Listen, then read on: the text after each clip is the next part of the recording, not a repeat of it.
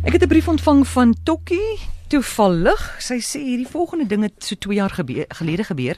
My dogter het in die weste kant van Londen ingetrek. En sy wou haar kind, haar baba, laat doop daar. Sy het die kerk gekontak en hulle het gesê nee, maar hulle doop nie babas nie.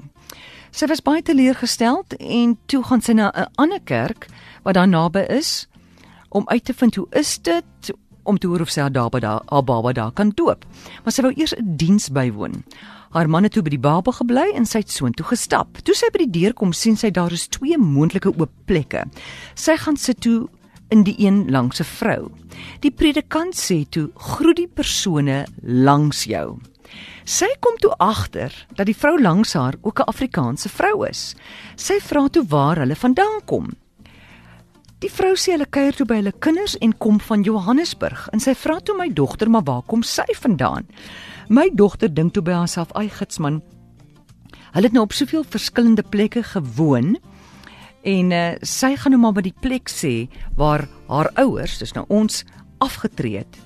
Maar sy wonder of iemand in Johannesburg ooit sal weet waar is Reebok. Sy vra toe maar vir die vrou of sy weet waar is Mosselbaai. Ja, sê die vrou, hulle het 'n strandhuis op Reebok.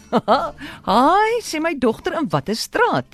Die vrou noem toe dieselfde straat waar ons in bly. Toevallig, want my man is oorlede voor die geboorte van ons dogter se seentjie. Sy sou so graag wou gehad het dat haar pa haar seentjie sien.